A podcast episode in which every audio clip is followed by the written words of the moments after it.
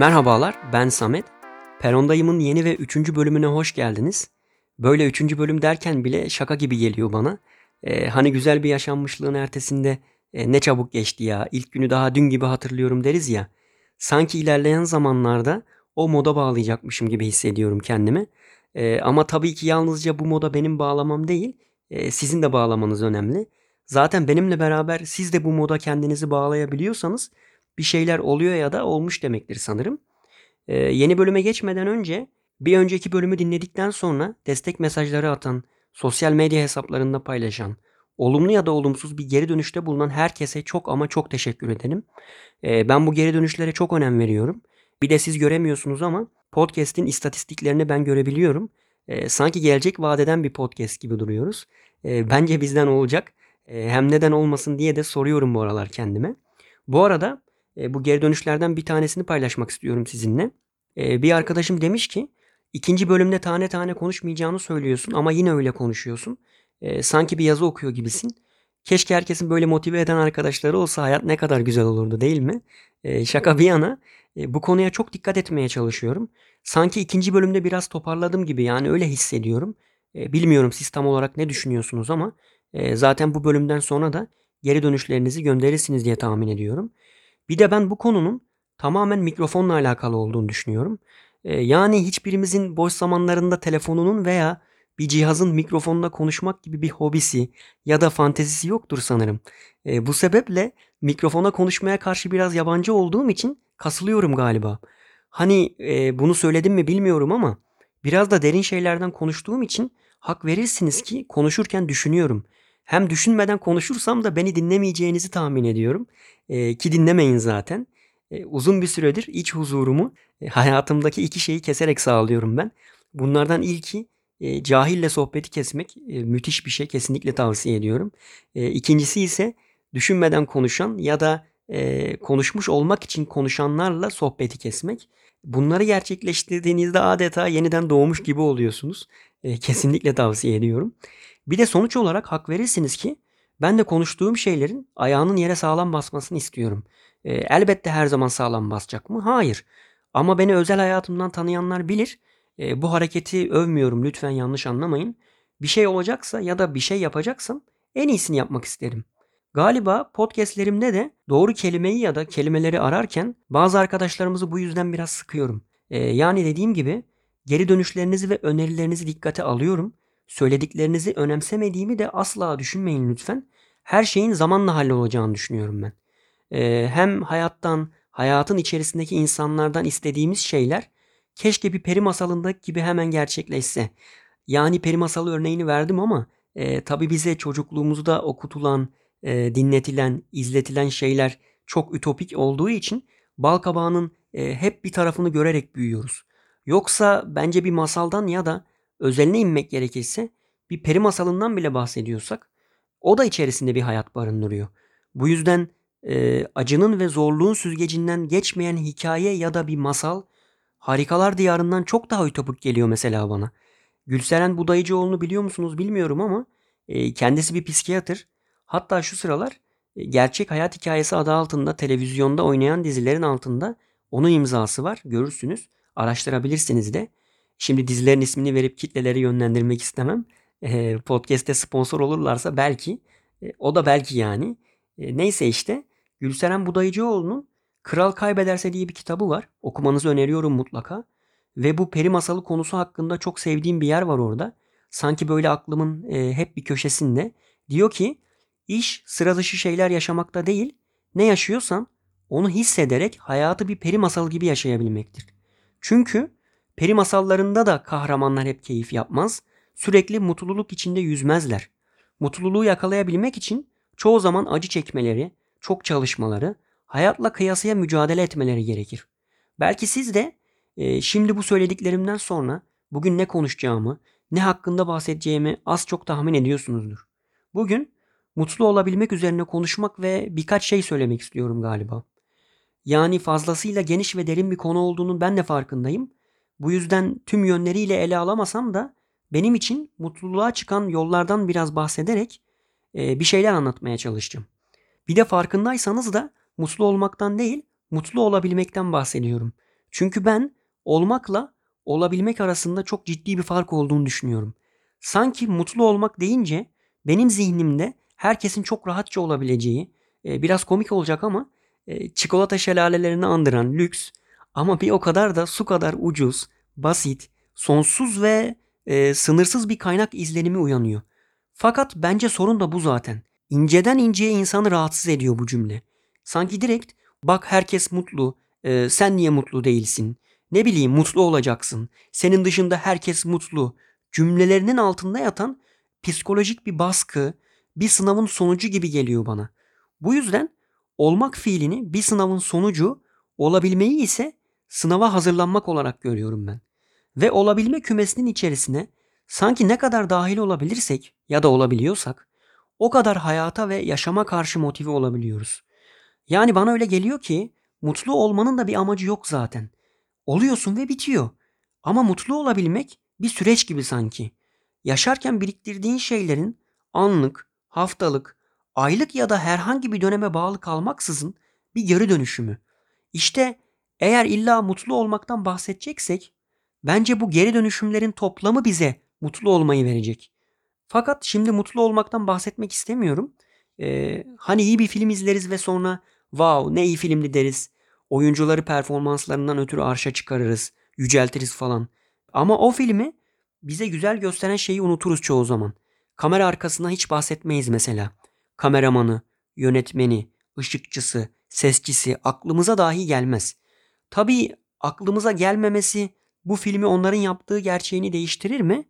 Elbette değiştirmez. Ee, ve aklımıza gelmemesi de bu gerçeği bilmiyoruz demek değildir aslında. Şimdi şöyle düşünün ki mutlu olmak da işte bence o filmin sonunda verdiğimiz bir tepki, duyduğumuz bir haz. Fakat mutlu olabilmek ise filmin tamamı. Yani hayatımız ve içerisine dahil olanlar. Bir uğraş, bir çaba, e, yaşantılarımız ve yaşanmışlıklarımız ya da düştüğümüz anlar, tam tersi düştükten sonra kalktığımız anlar, kendimizle anlaşamadığımız zamanlar, ne bileyim kendimizle barıştığımız zamanlar, merak ettiklerimiz, korkularımız, cesaret edemediklerimiz, aşkımız, sevgimiz, nefretimiz ve aklınıza gelen her şey işte. Aslında e, bir örnek vermek istiyorum bu konuyla ilgili. Eğer çocukluğunuzu bir mahallede ya da sokak ortamında büyüyerek geçirmişseniz bilirsiniz. Aile fertlerinizden biri ki bu genellikle annedir, hava karardığında balkona çıkar ve sizi eve çağırır. İşte o an her ne yapıyorsanız ya da her ne oyunu oynamakla meşgulseniz o oyun o an dünyanın en güzel oyunu haline gelir. Biz o oyunu oynadığımız için mutlu olduğumuzu sanarız ama o oyun saatlerdir oynadığımız oyundur işte.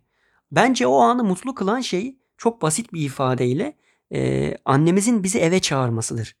Ve eve gidilmeyen, o oyunda zaman geçirilen her saniye, anne terliği bile mutlu olabilmek için attığımız bir adımdır.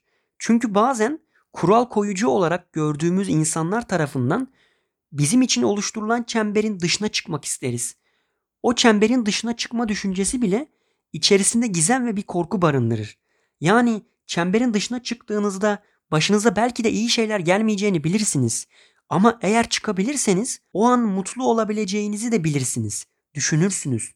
Ee, ve gerçekten de o çemberin dışına çıkmak, kural koyucunun himayesi altından çıkmak, gölgesinden biraz olsun ayrılmak, evet sonrası için bir korku yaratır.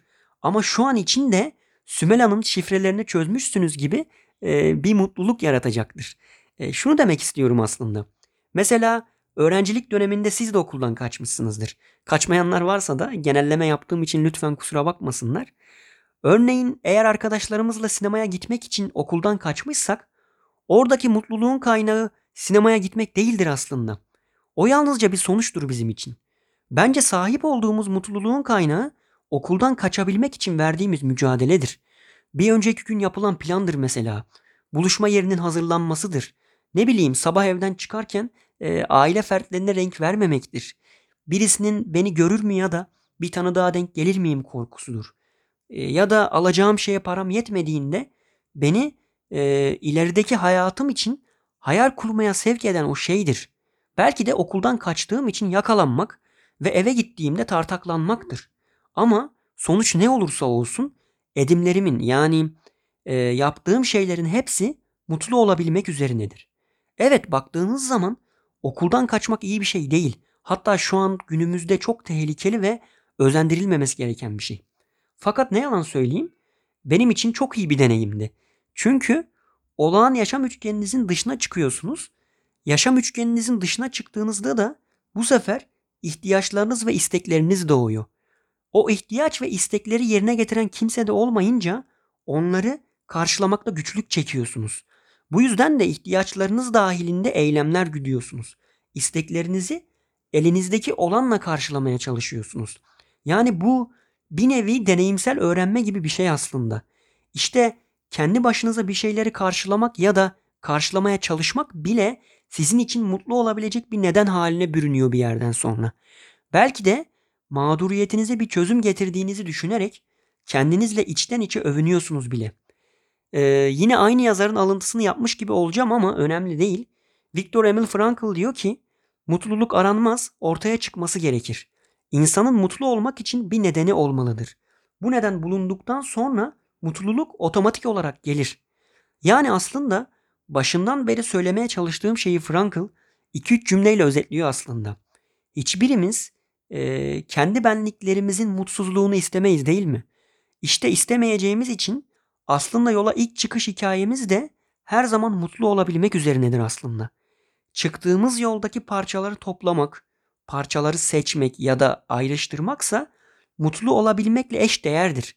E, Confucius'un gerçekten mutlu olabilmek için mutluluğu aramaktan vazgeçin diye bir söylemi vardır. Belki okumuşsunuzdur bir yerde. Aslında baktığınız zaman gerçekten de öyle.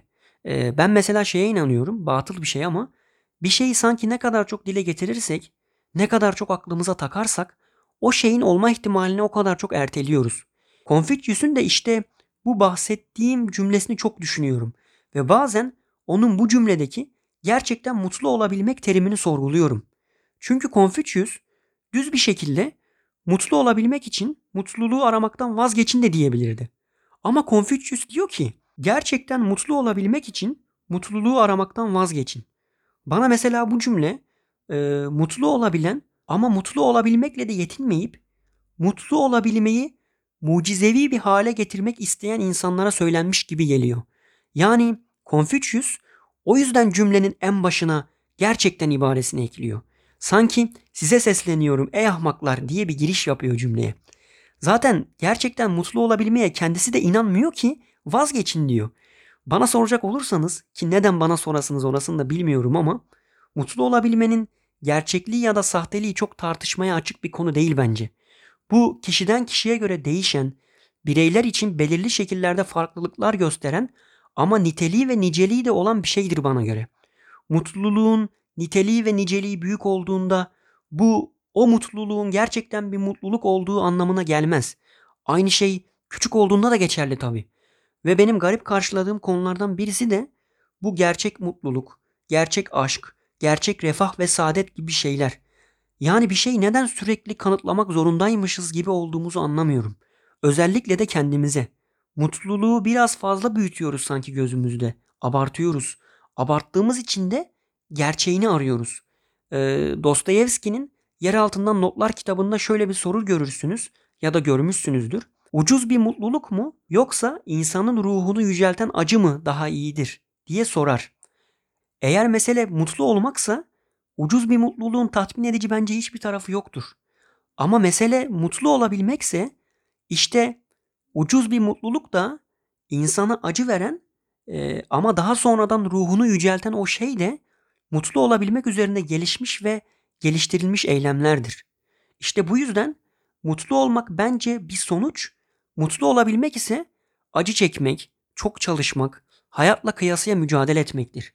Yani e, mutlu olabilmenin hazzı bence mutlu olmayı beklemenin hazzından çok daha iyidir. Biraz karışık bir cümle mi oldu tam olarak kavrayamadım ama e, ben anlayacağınızı düşünüyorum. E, bunları söylerken de düşünüyorum e, başka söyleyebileceğim bir şey var mı diye. E, bugünlük başka söyleyebileceğim bir şey e, yok sanırım. Düşünebilme kotamı doldurmuş ve e, konuşabilme sınırlarımı zorlamış gibi hissediyorum kendimi. E, umarım siz de bu kaydı dinlerken bazı şeyleri benimle beraber düşünebilmişsinizdir. İki bölümdür de söylediğim gibi e, olumlu ya da olumsuz geri dönüşlerinizi merhaba.perondayım.com e-posta adresime ya da Perondayım'ın Instagram hesabına iletebilirsiniz. Ben geri dönüşlerinize çok önem veriyorum. E, son olarak ise Aldous Huxley'nin Cesur Yeni Dünya kitabından bir söylemiyle kaydı durdurmak isterim. E, Huxley diyor ki insan mutluluk konusunu düşünmek zorunda olmasa yaşam ne kadar eğlenceli olurdu. E, Huxley'in de dediği gibi keşke mutluluğu düşünmek zorunda olmasaydık ama bir parçamız maalesef bunu hep düşünüyor olacak. E, bu yüzden bir temenniyle kaydı durdurmak isterim. Mutlu olabilmeyi düşünürken bunu bir zorunluluk haline getirmemeniz dileğiyle. Kendinize çok iyi bakın. Görüşmek üzere.